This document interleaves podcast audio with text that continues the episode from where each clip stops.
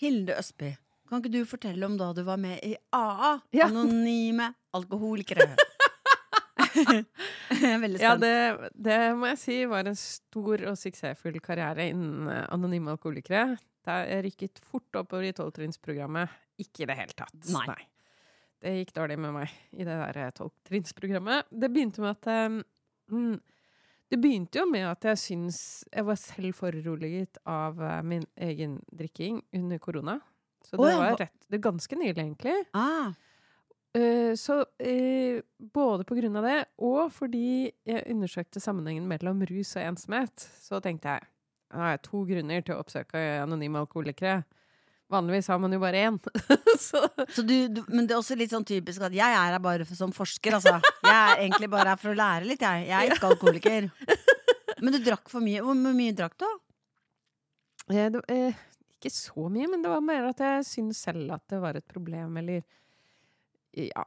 Jeg, jeg liksom Livet ble så lite, liksom. Så da var det sånn Frem med den vinflaska seint på kveld hver eneste kveld, for det var ingenting annet i livet, da.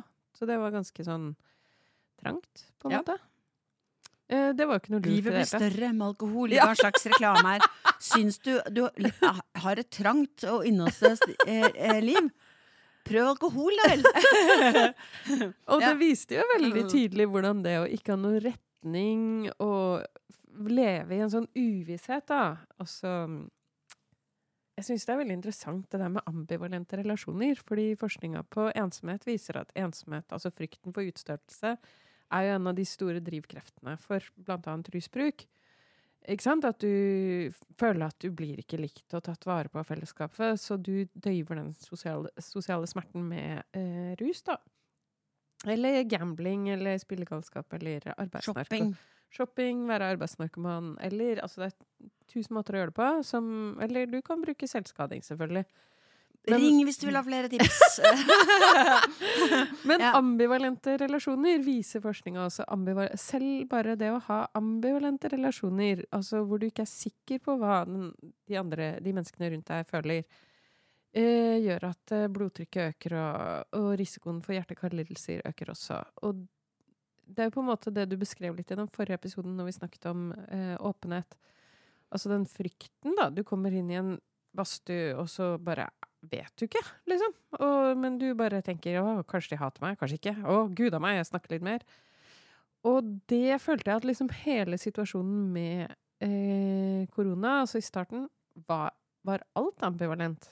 Jeg takler ikke ambivalent, ambivalens i det hele tatt. For du var sånn Nå aner jeg ikke hva som skal skje. Ja. Jeg aner ikke hva som er riktig. Mm. Jeg vet ikke hva jeg skal gjøre. Mm. Så da hadde du det ikke så gøy, for å si det som en sosionom fra 70-tallet. Og da, da var det flaska som blei løsninga. Var det sånn? ja, eller sånn Eller var det hasj? Nei, Nei. det var bare noen glass vin om kvelden, liksom, Ja. for å døyve ting. Og da Det er jo ikke en god måte å drikke på, egentlig. Eh, så da oppsøkte jeg anonyme alkoholikere, og da um, Det var jo ikke sånn som det er på film, egentlig, så jeg ble litt skuffa over det. Det var ikke sånn Det var ikke sånn mye deling. Folk delte ikke. Apropos forrige episode som handlet om åpenhet og deling og sånn. Det var ikke så mye deling, egentlig. Hva sa folka? Nei, de sa litt sånn eh, Jeg har klart meg bra de siste to ukene. Jeg har ikke drukket så mye. Oh, ja. Eller eh, jeg sprakk på torsdag. Eller nå har jeg vært nykter i 25 år. Ja, litt sånn. Ja. Det var ikke så mye deling, egentlig. Og så gikk vi gjennom de der tolv trinnene. Altså, jeg leste opp alle de tolv trinnene hver gang. Oh, ja. Og leste den bønnen, da. Som, ja, den sinnsrobønnen. Sinnsrobønnen, som alle burde egentlig bruke hele tiden. Men som jeg aldri klarer å lære meg. Du, um, Gud, gi meg styrke. til å forstå at det er en god del ting jeg ikke kan forandre, Ja. men at noen ting kan jeg forandre på, og forstand til å se forskjell på Forstand til å se forskjell på de. Veldig ja, enkelt. Sånn. Ja. Yes. Ikke sant? Så, og det handler jo litt om det der forholdet mellom flaks og evner. Altså, noen ting har jeg ikke liksom, oversikt over. Men de tingene jeg har oversikt over, de, det er det jeg må jobbe med. Det er jo det det egentlig handler om. Så det er en kjempefin bønn, da. Alle burde drive med den, Det er en fin bønn, bortsett fra det med Gud. Ja, akkurat det med Gud sliter jeg jo Kan bytte ut med Hille Lianne. Da er den fin. Styrke forstand. Yeah. Ok, yes. Ja. Eh, og så på et eller annet tidspunkt så tenkte jeg ok, men hvis jeg skal være her, må jeg vel ha en sponsor.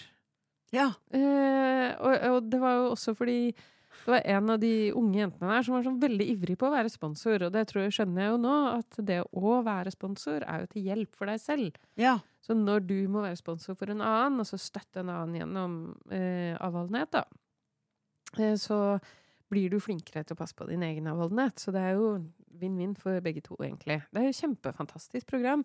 Du vet eh, Bill Watson, som grunnla Anonyme alkoholikere på 30-tallet, han sa 'Jeg har aldri møtt en alkoholiker som ikke har vært grunnleggende ensom'.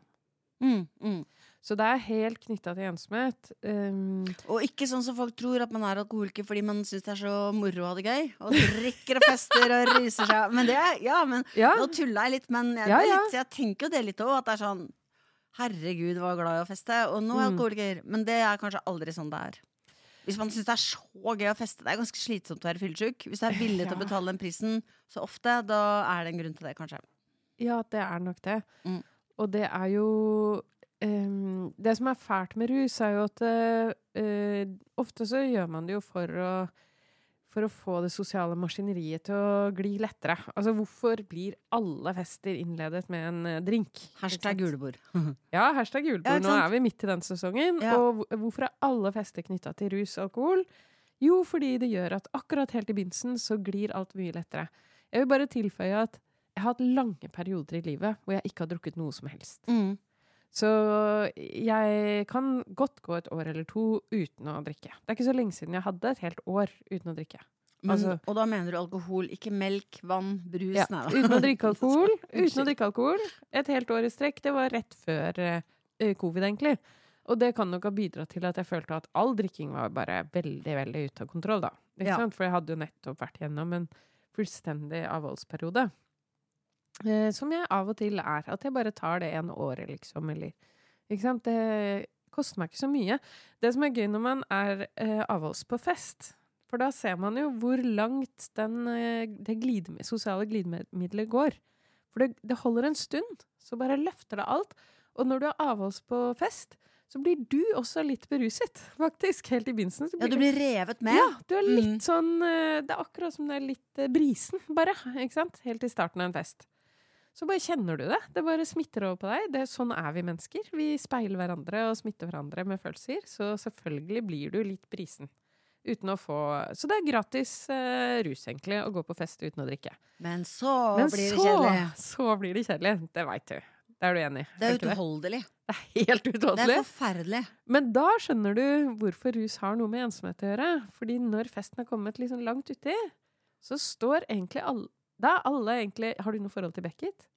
Uh, nei, nei, egentlig ikke. Okay, Alle er alene. ja, Ja. altså i Beckett sine forest i forestillinger så snakker alle liksom i hvert sitt spor. Og det er akkurat som Mm. de ikke klarer å påvirke hverandre noe særlig. De bare snakker forbi hverandre. Lars Aabye Christensen er jo også sånne type samtaler hvor de snakker om tre helt forskjellige ting. Ja, ikke sant? I? Beatles, for eksempel. Ja, eller Jonesco, eh, som er en eh, surrealistisk også. Eller en annen forfatter som Ja, okay, men, ja. men ikke sant, da skjønner du at Ja. det er jo egentlig det de beskriver, nesten. Mm. Altså, folk står rett og slett og bare gjentar seg selv. Veldig ofte går, begynner folk å gå inn i gjentagelser. Når de er, eh, begynner å tippe fra brisen til full, så begynner de å gjenta seg selv. Er du ikke enig i det? Jo, jo, Så går liksom historien skikkelig i loop, liksom. Og så sier de 'hør, da'. Hør, da. Selv om du sitter og hører. Hør, da! Hør, da! Det er helt ærlig. Ja. Og ikke er det morsomme historier heller. Nei, nei, nei. Eh, nå er liksom evnen til å formulere et poeng er helt borte.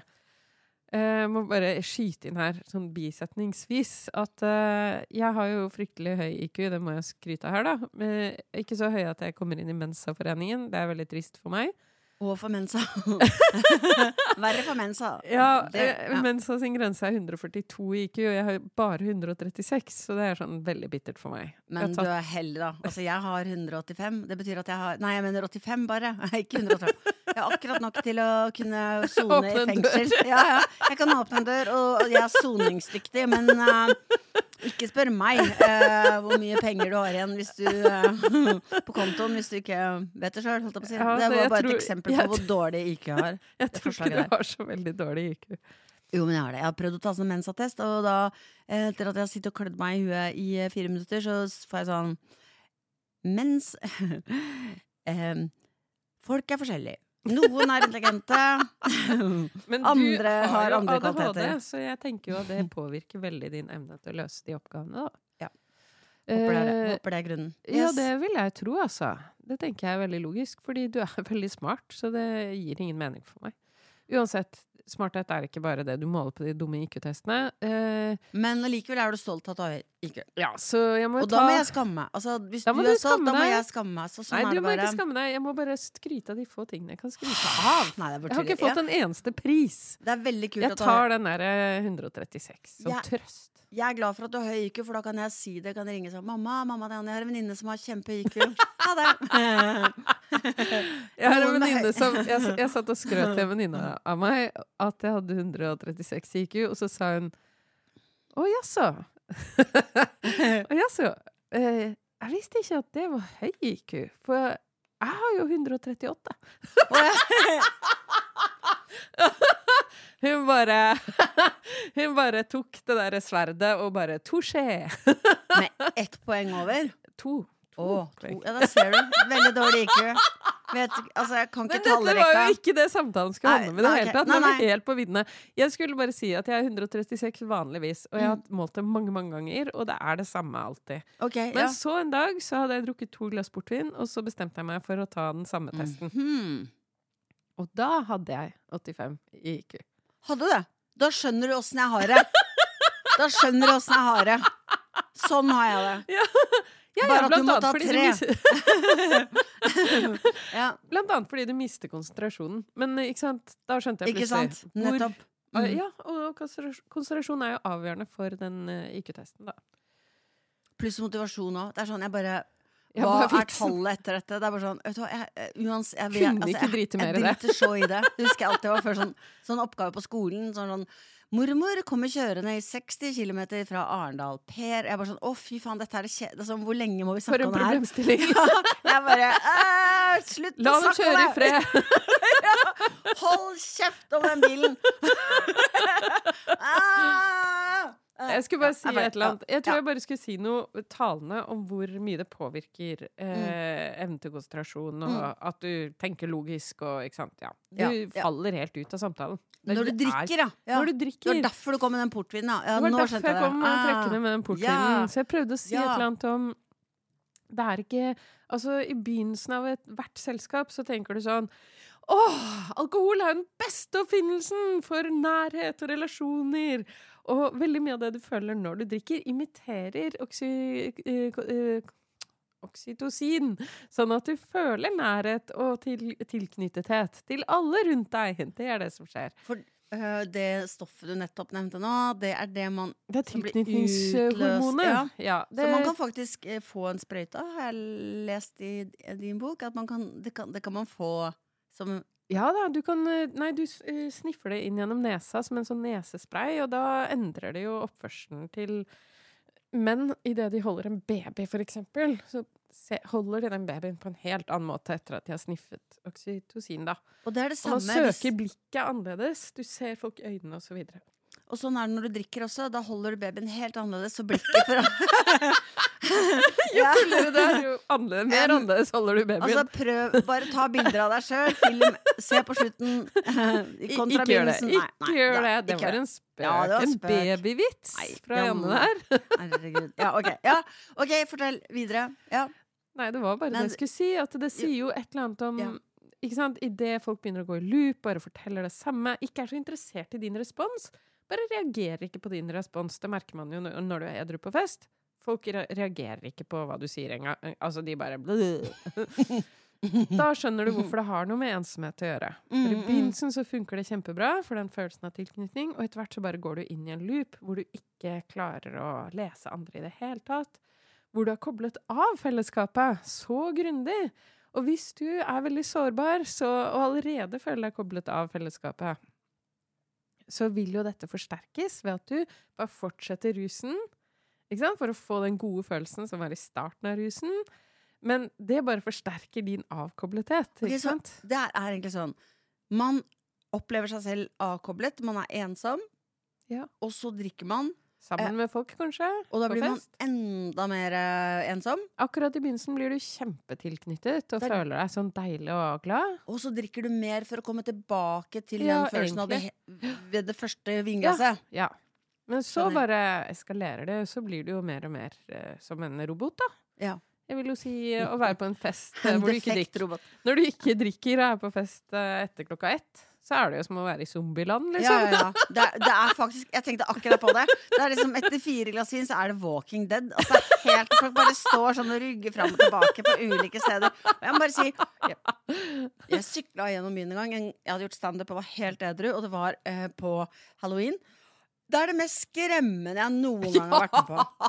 Altså, jeg, var, det var, jeg bare tenkte sånn Det er ikke et mareritt. Er ikke altså, Det her er det er, ekte, altså, det er er ekte, og det er bedre at det er det, for dette er et mareritt. Dette marerittet her det vil jeg aldri ha. Uh, selv om jeg kommer til å våkne av det. Det er virkeligheten, men jeg kan sykle fort. Altså, det var bare helt sånn Fy faen, det, dette er ikke mine psykiske problemer. Dette er drita fulle mennesker som har kledd seg ut. Altså, det har ingenting med deg å gjøre. Du bare sykler her. Det går bra.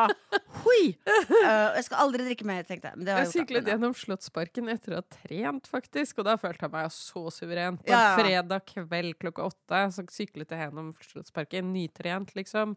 Og der sto det en mann og bare omfavnet den ene lyktestolpen. Jeg aner ikke hvorfor! Jeg stoppet ikke, liksom. Det er jo genialt. Altså, hvis du virkelig vil Hvis du føler deg dårlig, så kan du bare altså, kan du gå på fest og gjøre ting som er helt vanlige ting, som ingen av de på festen klarer å gjøre. For eksempel ta utfall. Mye mer utfall enn alle, alle andre på festen. Ja, ok, ja, ja.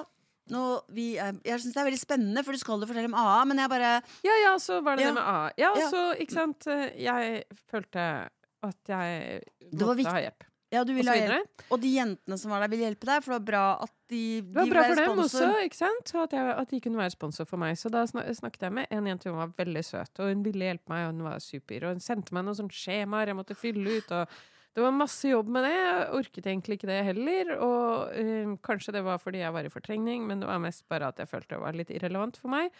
Og så, eh, og så møtte jeg henne på en annen sånn divisjon av uh, AA. Jeg måtte dra. Ja, jeg måtte dra til et annet sted i byen og møte henne der, for da skulle vi på et møte der sammen. Eh, og så eh, Så skjønte jeg plutselig at dette skulle bli livet mitt nå. Eh, Mm. Og reise rundt på sånne Ja, og spise gå- kjeks. ja, hun sa jeg måtte dra på fire sånne møter i Oi. uka. Ja. Og snakke med henne hele tiden. Og, ja. og plutselig skjønte jeg at jeg måtte skifte ut alle vennene mine. For jeg har ikke tid til så Det er masse reising, da. Masse, masse reising. Og de møtene og alt på kveld. Og jeg skal jo hente et barn og passe på et barn. Det er jo ikke som om jeg ikke gjorde det. Uh, og Nei, nei. Det hadde ikke gått så langt ennå. Nei, det hadde det virkelig ikke. Jeg passet på barnet mitt. Ja. Og så ehm, eh, Nei, plutselig skjønte jeg at jeg måtte bare kutte ut alle vennene mine og bare erstatte alt i livet mitt med eh, AA. Og det Nå skjønner jeg jo hvorfor AA funker. Fordi hvis du da har erstattet alt i livet ditt med AA, så blir det jo veldig vanskelig å Altså, da blir du jo passet på hele tiden, da. Og det er helt fantastisk. Så du var ensom, prøvde å drikke for å Men døyve jeg var jo ikke ensom. Nei, Jeg men var hvis, ikke egentlig men hvis man var ensom, da, Ja. så kunne man eh, drikke, og så ble det Funker ikke det, og da kan du bli med i AA, og da er du ikke ensom. For da er det noen som passer Ja, på deg ja, hele ja, da har du fått et veldig Ja. tett fellesskap, da. Så Ja. alle kjenner hverandre, og alle passer på hverandre, og er gjerne sponsor for hverandre, og så videre. Eh, og da skjønte jeg plutselig at Men jeg har jo venner. Og så, så jeg må jo bare snakke med vennene mine. Og så gjorde jeg det. og så droppet jeg hele greia med å Men den sinnsrobønnen, den har fulgt deg ever since. Ja. Ja, men jeg syns den er bra. Jeg liker den. Den, men, den minner meg om eh, ting fra yoga, for eksempel. Handler jo, yoga handler jo også om det. Akseptere hva du ikke kan gjøre noe med. Ja. Og det er jo en del av det å bli frisk fra noe Eller tåle livet bedre, da. Det er å akseptere at det bare gjør vondt. Og jeg må bare gjennomleve det. Og det kommer til å gå over dessuten. Sånn er jo eh, tanken i yoga. Det er alt er i bevegelse. Så du blir aldri Du kommer aldri til å bli i smerte for alltid. Og det Så jeg trappet opp på yoga og snakket med vennene mine, og så ble jo alt bedre. Men det var også en fin måte for deg å treffe folk på under korona. For det var jo vanskelig å få truffet hverandre da, men når det var AA, så måtte folk nesten få lov å henge litt. Ja. Og det var også en motivasjon for deg, kan jeg tenke meg. ja, det var det absolutt. Var det I tillegg til det var litt sånn Ja, ja, Du har sikkert sett Fight Club. eh, ja det er lenge siden, da, men Hele filmen begynner jo med at hovedpersonen føler seg uten mål og retning i livet. Og begynner å gå opp på sånne grupper. Tolvtrinnsprogramgrupper. Men, Eh, både av narkomane, anonyme narkomane osv. men jeg har vært med i Anonyme narkomane. Mhm. Um, fordi at jeg eh, Og det er um, Jeg tror egentlig det var Eller det var derfor, da. Det er jo kjempeflaut, liksom. Fordi jeg, jeg var jo ikke narkoman. Men jeg eh, Jeg tok ganske mye sånn um, eh, Sånn sovemedisin som egentlig er allergimedisin. Eh, Mhm. Eh, og det er jo som å melde seg inn i alk anonyme alkoholikere fordi du eh, er glad i eddik på salaten omtrent. Liksom. Det er jo ikke noe Det er liksom forstad. Det er jo ikke, det er jo ikke engang avhengighetsskapende. Det er jo kanskje du blir sånn psykisk avhengig av de medisinene for å, Ja, sikkert, da. eh, for å sove. Ja, å, det er forresten bare en liten digresjon til forrige episode om ensomhet. Sånn, hvis du sier det, da tror folk da har du delt middag, og bruker sovemedisiner. Oi, oi, og da tenker folk at de vet alt om deg, liksom. Sånn er du, ja, sånn sovepillemenneske.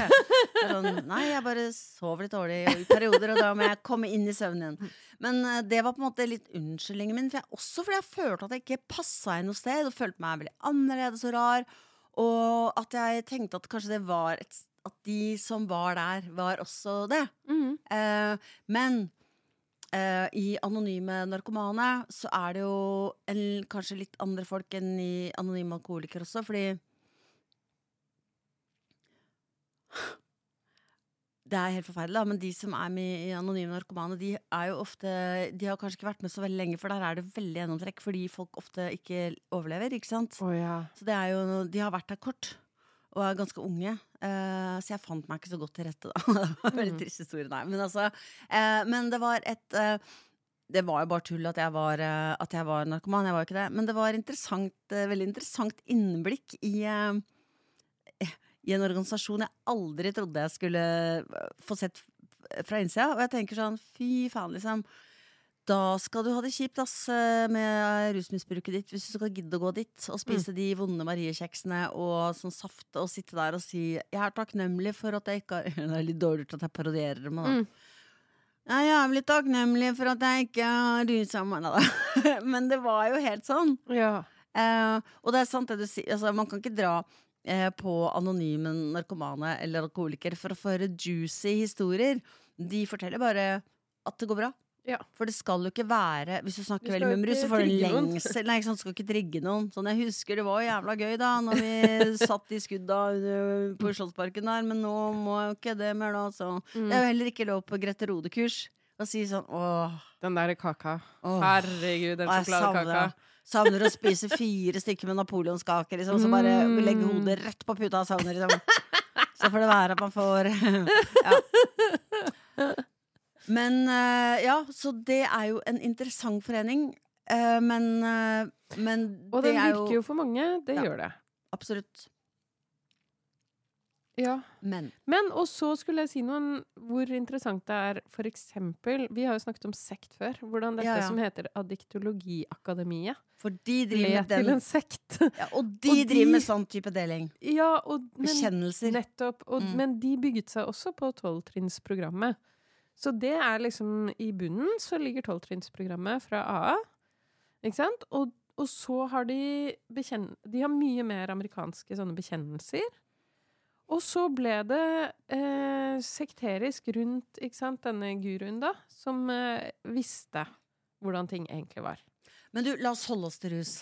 Kan vi ikke gjøre det? Jo, men det er bare interessant Ja, okay. hvordan rus rusmisbruket da ble forvandlet til en av annen avhengighet. Ja. Avhengigheten av sekten. Ja. For da er det en sekt, da. Og sånn er det veldig mye i kirke også. At det er Ja. veldig mye avhengighet. Altså sånn, Du er avhengig av eh, rød sprit, og så eh, blir du avhengig av eh, Jesus etterpå. Det går ofte ikke så bra, da. Det blir, går ofte tilbake til, eh, til Ja. alkohol, som er sterkere enn eh, Gud. Ja, nettopp. Alkohol vinner over Gud hver gang. Hver gang. Hvorfor tror du de har rødvin på den der nattverden? Men jeg, jeg tenker, altså, man ruser seg for å føle seg mindre aleine, men jeg tenker også når jeg ruser meg, at jeg gjør det fordi at jeg kanskje blir litt morsommere. Oh, ja, ok. Eh, men det, det er bare når jeg tror, fordi ingen har filma meg etter fire øl. Nei. Ikke sant? Men lever ikke mer og sånn, da? Eller hva? Det må jo være en grunn til at Jo, vi går på byen gang etter gang. Ja, ja, i starten er det jo denne veldig, veldig gode følelsen av den oksytocin-følelsen. Den følelsen av at uh, livet er herlig, alle elsker meg, jeg er så morsom, alt går bare glir sånn fantastisk. Det er den første delen av kvelden. Det er når vi, når vi ikke drikker eller har tatt noen ting, syns at det er gøy å være på fest med folk som har drukket. Da er det skikkelig sånn god følelse Men oppover. jeg har jo, jeg har jo vært på byen og tenkt at det her var sinnssykt gøy. Det her var en veldig, veldig morsom kveld. Men det hadde sikkert ikke vært gøy for meg å være med på den hvis jeg ikke drakk, da. Men hvis du tror at du har hatt det gøy, da har du hatt det gøy. Eller, Ja, ja, ja. Hvis du tror du har hatt det gøy, har du hatt det gøy. Du har jo det. Ja. Men uh, jeg, det er en veldig morsom ting. Jeg hadde en uh, episode fordi uh, jeg var i England, Mhm. i, i Liverpool, med, med Espen. Og da ehm, Og så dro jeg litt tidlig hjem. Eh, Jeg gadd ikke å være på byen. Så jeg dro hjem. Og så fikk jeg høre at Espen hadde lett etter meg. Han hadde ikke fått med seg at jeg hadde dratt. Og da, jeg, da fikk jeg veldig dårlig samvittighet. Så da dro jeg tilbake. Og da eh, tenkte jeg OK, vet du hva, jeg kjøper eh, noen jegere. For å liksom catche opp med de andre, da. Hva? Hæ? Ja. Hva sa du nå? Noen jeg, altså noen Jegermeister. Å ja. Ja. Jeg trodde du sa N-ordet. Å oh, nei! Nei, er du gal? Nei! Jeg bare Oi, er Nei, et parallelt nei. univers! Nei. Unnskyld! Unnskyld! Noen jegere. OK, nei, nei. Unnskyld, Noen jegere. unnskyld! Åh, gud Ok, a meg. Jeg bare plutselig ah. tenkte jeg sånn Nei. Hæ? Er vi, lever vi på 1800-tallet? Er dette en podkast fra 1800-tallets imperialisme? Det visste jeg ikke! Å, jeg trodde vi levde på 2000-tallet. Nei, altså, jeg gjorde ikke det. Jeg. Jegermeister. Ja. Jeg og for jeg kjøpte tenkte jeg, ok, greit, eh, jeg kom, jeg kommet for seint. Det ser ut som det er veldig kort igjen av kvelden. Jeg må liksom komme opp på nivå med de andre. For det er også en greie, man skal liksom være på sånn jevn stigende rus Ja. eller et sånt. da Ja, ja. Eh, så da kjøpte jeg til andre, og så var det ikke alle som ville ha, så da drakk jeg på en måte mest, da. Eh, og så var det jo sånn slutten på kvelden. Vet du, sånn, nei, nei, nei, festen er ikke over! Men det var den. Um, og så plutselig så åpna Altså, nå høres det ut som jeg var på syre, men dette skjedde i virkeligheten. Så, var det, så var det en vegg som bare åpna seg. Ja. På ekte. Og så var det sånn, da, den ordentlig. baren så var det oss, og så var det en sånn gammel dame. eh, Sånn typisk England, sånn med litt Mm. tenner, og så en ung kar satt og prata. Det var det. Og så gikk plutselig veggen opp, og bak der var det sånn skikkelig party. Ja, Yes. Dette er ikke noe du finner på. Finner ikke på. Drømte ikke? nei, det her skjedde i virkeligheten. Så jeg eh, hadde jo da drukket Jeger, eh, og det, jeg kan bare være åpen og fortelle at jeg altså jeg drikker veldig lite nå for tiden, eh, og jeg er ikke alkoholiker. Kommer ikke til å bli det. Har ikke det genet, tror jeg. Men hvis det er noe som heter det, det tror jeg jo. Men eh, hvert fall så liker ikke å være fyllesyk. Men, jeg- men jeg får tenning, så hvis jeg drikker så får jeg Hvis jeg drikker litt, så får jeg veldig lyst på mer. Så så ett glass vin det gjør veldig lite for meg. Det er egentlig bare hodepine på Altså, det, jeg har ikke lyst på det. Mm. Hvis jeg først drikker, så liker jeg å drikke litt mer. Ja. Så da var jeg veldig i godt humør, da. Etter sånn eh, intravenøst alkohol som jeger på, Jegermeister på mange måter er. Så da ville jeg danse, og da dansa jeg Og da gikk jeg opp på eh, scenen og dansa. Og Espen, som ikke danser, gikk også opp på scenen Oi. og dansa. Og, og en annen fyr eh, gikk også opp på scenen og dansa. Og han som hadde sagt eh, nei til Jegermeister, han eh, gikk ikke opp på den scenen og dansa. Så der sto vi og dansa. Vi hadde det så gøy. Og når vi gikk hjem fra byen da, så hadde vi sånn Alt var kjempegøy. Liksom. Hadde aldri opp. vært morsommere enn noen gang. Aldri vært Ja, men det er fint. Det er sånn det skal være. Og eh, dagen etter, når vi skulle dra hjem, eh, så var det en av de andre som hadde vært med på denne turen til Liverpool, som eh, hadde eh, måttet jobbe. Eh, så han hadde måttet dra tidlig hjem fordi han måtte jobbe. Og da sa han opp jobben sin, eh, fordi at han hørte hvor gøy vi hadde hatt det. Eh, for han ville ikke lenger ha en så krevende jobb, for han ville også ha det gøy. Um, problemet er jo bare at vi var Det fikk enorme konsekvenser, da, denne Ja, filleturen her. Ja, ja, ja, og poenget er at er jo, jeg kommer jo aldri til å gjøre det igjen. Det er jo ikke sånn at det var et sånn Det var en typ, typisk kveld for meg, liksom. Drikke jegere og stå og se, danse på scenen. Nei, nei. Så det var sånn eh, Og han Så noe han fyren som sa opp jobben sin, han gjorde det egentlig litt forgjeves, for det ble aldri en sånn kveld igjen. Absolutt. Og Med hvis dere, han, i hvert fall. Absolutt ikke. ikke sant? Så hvis han ringer meg og sier sånn Skal vi gå ut og drikke Skal vi gjøre den kjempegøye kvelden som jeg alltid har lengtet etter siden jeg sa opp jobben? For det kommer ikke til å skje. For det er jo hele altså Det kommer aldri til å skje igjen at jeg sitter der, drikker akkurat det, og så går veggen veggen opp. åpner seg. Nei, nei, det kommer ikke til å skje igjen. Aldri, aldri. Men nå følte jeg plutselig at jeg hadde sånn festtale for rus. Men, Ja, det var det jo, egentlig. men så er det også veldig rart med rus at um, noen ganger så gjør, gir det deg ingenting. Mm. At du, noen ganger kan du drikke et glass vin og bli lelle og få lyst på mye mer og ha det gøy, gøy, gøy, tror du da. Og så andre ganger så kan du liksom sitte sånn Ok, nå har jeg drukket så mye, liksom. Og det er ikke gøy. Det er veldig irriterende. Ja, det tenker jeg også. Jeg skulle bare si noe om, Mm. om å være bakfull. Ja. At uh, dette er en rar bekjennelse å komme med. Men av alle ting med rus, så liker jeg aller best å være bakfull. Ja, men tror du det er fordi at da er du liksom litt redusert i hjernen din? Jeg må slappe av. Og jeg kan ikke liksom gjøre masse ting. Uh, det er liksom Jeg tror det som er forlokkende med bakrusen, er at jeg har alltid så altfor høye forventninger til meg selv. At jeg alltid skal produsere noe, alltid gjøre noe, alltid være produktiv, spennende, interessant. Eh, skrive ting. Eh, ikke sant? Den derre Det intense presset jeg legger på meg selv. Men akkurat når jeg er bakfull, eller har covid, da, som jeg nettopp har hatt, så bare kan jeg ikke liksom kreve noen ting av meg selv, da. Da gir du deg selv lov til å slappe av. Så det burde jeg klare uansett. Men da kan vi jo poeng. begynne å lage sånne dager hvor vi har liksom i anførselstegn fest. Ja. Eh, og dagen etter er du bakfull. Ja, liksom. Liksom. Og Det da bare Den dagen har jeg bare satt av til å være litt uh, fjernings, rett og slett. Uten at jeg er det. Men du, du har jo skrevet om at uh, hvis, man, uh, hvis man ruser seg altså, Eller hvis man tar ett glass vin, da skjer det noe med pannelappen. Ja.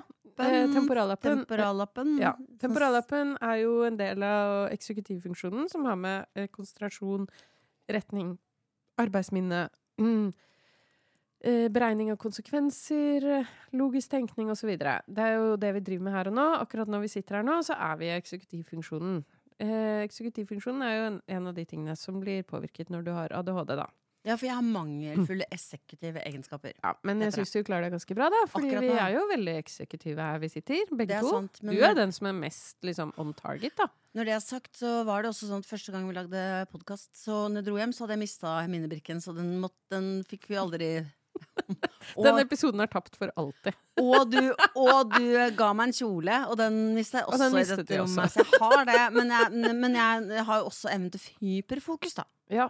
Du er så- hyperfokusert. Ja. Men eh, det jeg skulle si, var bare at temporalappen er en del av eksekutivfunksjonen. Temporallappen, eh, eh, som navnet tilsier, er ved temporal lobes. Det er jo ved tem tinningene, ikke Mhm. sant? Innover her på siden av hjernen um, er den med i dette systemet, og temporallappen, når vi er veldig konsentrert, den blokker ut uvedkommende lyder, uvedkommende synsinntrykk og uvedkommende tanker, innfall og tank altså ideer og tankesprang og assosiasjoner. Ja. Alt som egentlig gjør at vi blir ukonsentrert, da. Men når vi drikker ett glass vin, Ja. så faller temporallappen ned, og vi får mer tilgang til alt det assosiative klinkokos hjernen, da. Og det er det jo veldig mange eh, forfattere og kunstnere som har sverga til. Eh, Roald Dahl sa at det var jo ikke noe vits å sette seg ned og skrive uten et glass vin, eller eh, Ernst Hemingway eller Bukowski, som drakk ekstremt eh, på en ekstremt negativ, skadelig måte. Han hadde jo også til gjengjeld veldig mye eh, lidelse og altså, sosial smerte å overkomme, fordi han ble jo eh, slått og mishandla av begge foreldrene sine gjennom oppveksten, så han hadde Døy, det. var mye døyving. Det var mye å døyve, altså, for eh, Bukowski. Eh, og det, hvis det er sant det at eh, Hemingway egentlig var tiltrukket av menn, så hadde han jo en del maske å holde på plass. Altså, han må ha følt seg veldig ensom, da. Det er jo en av de tingene som er veldig fælt med å være skeiv, at du vet at du blir fordømt, og at du må skjule det.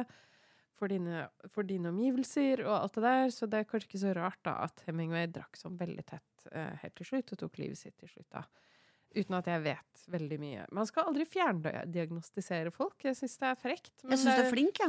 Ja, men eh, det gjelder Nei, bare men ja. å tegne opp et bilde, da. Altså, kunne hvis hvis det har vært sånn, så Mm. er ikke det så rart. Fordi unge skeive ligger på toppen av selvmordsforsøksstatistikken. Og skeive har også et ganske høyt alkoholforbruk, eh, viser eh, statistikken, da.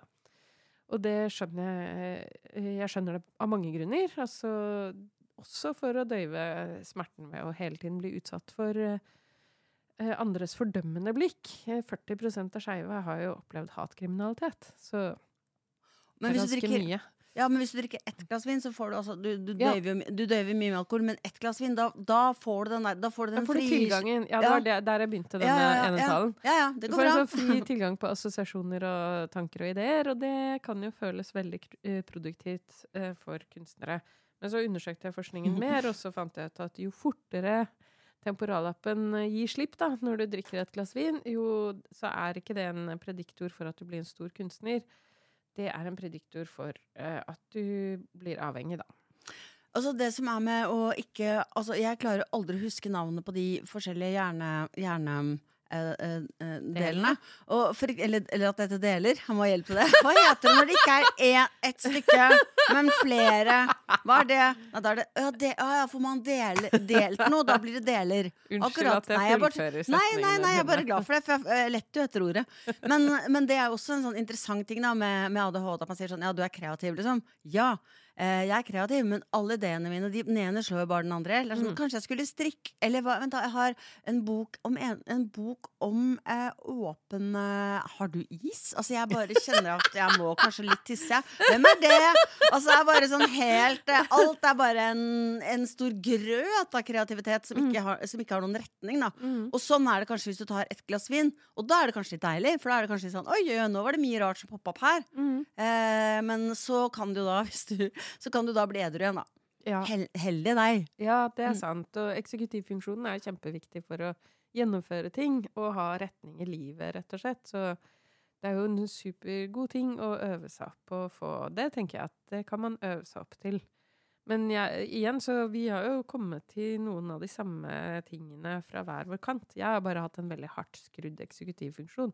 Jeg har vært veldig, veldig retningsstyrt. Ekstremt målrettet. Ekstremt fokusert. Da jeg begynte på universitetet, satt jeg på lesesalen fra åtte om morgenen til seks om kvelden hver dag. Jeg gikk aldri på fest. Jeg gjorde ingenting annet enn å lese. Eh, jeg suste gjennom alle fagene. Det, jeg, var, det, jeg var ikke en hyggelig person, liksom. Eh, jeg gjorde ikke ting som var på siden. Mens jeg var mer sånn Hvor er lesesalen? da, jeg, da jeg studerte, så uh, i andre klasse spurte jeg uh, en jeg studerte med, hva, hva heter egentlig den, det faget? Og da sa han 'hete faglærer i kunst og håndverk. Jeg bare å ja. La meg skrive det ned. Mamma lurte på hva det het, skjønner du. Faglærer. Det er, det verste at det er ikke, det er ikke tull engang. Ja, jeg syns det er veldig kult, da. Fordi mitt liv var så utrolig trist, egentlig, i den målstyrtheten. Det var så lukka. Og så liten tunnel, liksom, frem til mål. Det er veldig vanskelig. Det er, det er veldig vanskelig når, altså, Det er bra å være målretta, Fordi hvis man ikke er det, så kan man jo angre veldig mye på at man ikke var det. Og Ja. hvis man var det for mye, så kan man angre på at man ikke hadde det gøy. Altså, Jeg gikk det, aldri på fest, apropos rus, da. Det var jo masse folk som gikk på fest hele tiden på, i studenttiden, og folk snakket om studietiden. Å, så gøy! Og jeg, jeg var jo liksom aldri egentlig på fest. Jeg synes det vondeste Det nesten det vondeste jeg vet, er når folk snakker om at de hadde det så gøy i studietiden. Ja. Det er veldig vondt. Eller at det- 'Å, den som var ungen', eller Det er den eller- verste tiden i mitt ja, liv. ja. Eller, Helt den verste tiden i mitt liv. når jeg ser definitivt. ungdommer som sitter i parken liksom, og ser ut som de har det bra, så tenker jeg alltid sånn 'Å, stakkars'. det er sant, jeg Det tenker kan det. jo hende de har det bra, da. Det tror jeg ikke. Ja, jo, men det er i hvert fall minst én som ikke har det bra. Ja, det er det sikkert, for jeg hadde det ikke bra. Jeg følte meg helt fortapt hele tiden. Eh, som sagt, jeg, jeg turte ikke engang å Jeg turte ikke å feste, for jeg var redd for å komme på etterskudd i forhold til pensum. Så jeg var bare aldri ute. Jeg gjorde aldri noe som var helt vill. Jeg la meg aldri etter klokka ti, liksom. Å, Hilde. Jeg, var jo så, jeg hadde et så egentlig kjedelig liv, liksom. Men nå er det gøy! Nei. Aldri gøy. Men eh, jeg har vært veldig veldig streng eh, på å ikke drikke noe særlig. Fordi at jeg har eh, Jeg har prøver liksom å holde en angst og en depresjon på avstand. Og tenker jeg skal ikke gjøre noen ting, da. Angst og depresjon øker med inntak av alkohol. Ja, Det trenger uh, ingen forskning å fortelle meg, som folk pleier å si. Det, er, det har jeg merket veldig. Mm. Og det er jeg syns jo ofte at Altså, jeg syns sånn at vin smaker fyllesyke og angst. Mm. Eh, Det er sunt. Det er sunt. Nei, men noen ganger uh, Mm. som jeg har gjort det likevel, så har jeg fått så Det har vært urovekkende. Altså sånn noen ganger når jeg har hatt det dårlig, og, eller vært veldig stressa, og har drukket et par glass vin, og kjenner hvor deilig det er, så tenker jeg så bare fy faen, jeg skjønner at folk blir alkoholikere. Mm. At det er liksom sånn Det, her var, det, er, jo, det er jo som om noen, altså det er jo som om noen eh, eh, klemmer en hånd rundt hjertet ditt 24-7, og så tar du et glass vin, og så Slipper slipper det! Og det er sånn Mm. hvordan, Hvorfor skal jeg være edru, liksom? Eh, Ja. Det her var jo ikke Det her var så mye bedre enn Mm. å være Men det mm, Det er da man virkelig må være edru, da. Ja, det er da man ser egentlig ned en veldig mørk vei, da. Så hvor det ikke er noen løsning annet enn å komme seg ut. Men du, kan jeg bare si eh, til slutt eh, noe om eh, en, en ting som jeg syns var veldig veldig interessant under korona. Mm. Og det var at eh, altså folk er jo veldig moralistiske, syns jeg, når det gjelder eh, annen type rus enn alkohol. Ja. Ikke sant? Sånn hasj og Bare heroin og føye, føye til at uh, bruken av alkohol økte jo veldig under hele korona. Altså, folk drakk jo mer. Ja. Sånn generelt, altså. Men det som var sprøtt, var at det her var jo samtidig med at man diskuterte om det ikke skulle være forbudt å bli eh, liksom, hvis, no, hvis du hadde på deg knøttsmå mengder med, med hasj. Rusreformen, Ja, som ble stemt ned. Ja, ikke sant? Og ikke det at jeg er jeg, jeg, vil på ingen måte slå et slag for eh, hasj eller marihuana. Jeg bare Mm. ikke gjør det. Mhm. Men det som var veldig interessant, var at rusreformen ble nedstemt. Og det var snakk om bitte, bitte, bitte små mengder rus. Eller, eller, eller ja, ja. narkotika.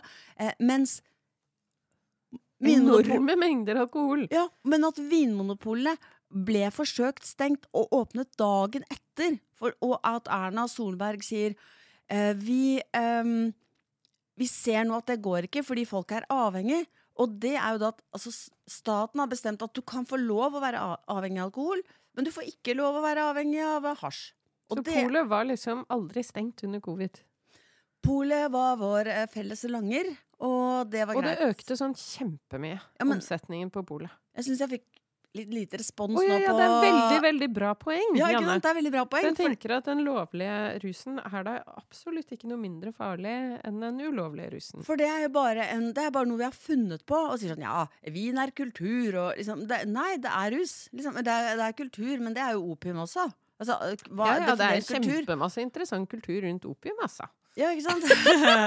ja, men, men altså, det, er, det er utrolig interessant at da er det liksom helt greit, liksom, enda vi vet hvor vanvittig dårlige konsekvenser alkohol bærer med seg, både når det gjelder en selv og sin egen helse, og barna sine, altså, altså samfunnet som helhet, eh, kriminalitet, vold, bla, bla, bla, bla. bla. Kriminalitet og vold og angst og depresjon. Og det, det ødelegger hjernen din, rett og slett. Du blir dårlig, altså, hjernen din funker dårligere. Men likevel så velger vi å ha polet åpent fordi folk er så avhengige, og det må da være lov. Men ikke røyk hasj. Ikke røyk det! Det var veldig rart. Det var veldig ko-ko. Ja. Det var det. Det var et godt poeng, og i det store og hele så er det vanskelig å anbefale rus. I hvert fall. Det er ikke noe kreativt forløsende. Det er, for, det er veldig forløsende hvis du vil utvikle eh, alkoholisme, så er det superlurt å kjøre hardt på alkohol når du skal skrive. Ikke sant? Mm. Eh, så det jo, er jo ikke til å anbefale. Hvis du vil ha nære, gode vennskap, så er heller ikke alkohol å anbefale. Ikke sant? Som eh, for, for eksempelet fra den festen. Nei. Eh, hvis du vil ha angst og depresjon, kan anbefales. Men det rare er likevel at folk føler altså at de har hatt det gøy på fest. Det er liksom når man sier at forskning ikke viser at kiropraktor virker. Likevel føler jeg at jeg har det mye bedre i ryggen enn jeg har vært der. Et merkelig fenomen. Nei, det er placebo. Ja, men da er alkohol det også, da. Ja, men det er jo også det at jeg tror den sterke følelsen, den helt fantastiske følelsen helt i starten av rusen, den blir med deg som et veldig sterkt minne helt til slutt også. Altså, det blir den ledende følelsen gjennom kvelden, og så husker du det slik. Så det man egentlig burde gjøre, da, det er- å gå ut, ta et glass vin, mm. uh, ha det fint i en halvtime, og så gå hjem. Ja, Eh. vi gjør det, Janne, neste gang. Neste gang vi møtes, vi to, sånn hyggelig sånn jule, juletreff, du og jeg, da blir det sånn. Da blir det sånn. Jeg gleder meg allerede. Og så så billig som det blir. Ja, Ja, ja, så så kort. Også kort. Kort, eh, kort. Kort er bra. OK. Ok, ha det. Drikk Ha en det bra. måte. Ja, ha det. Ha det.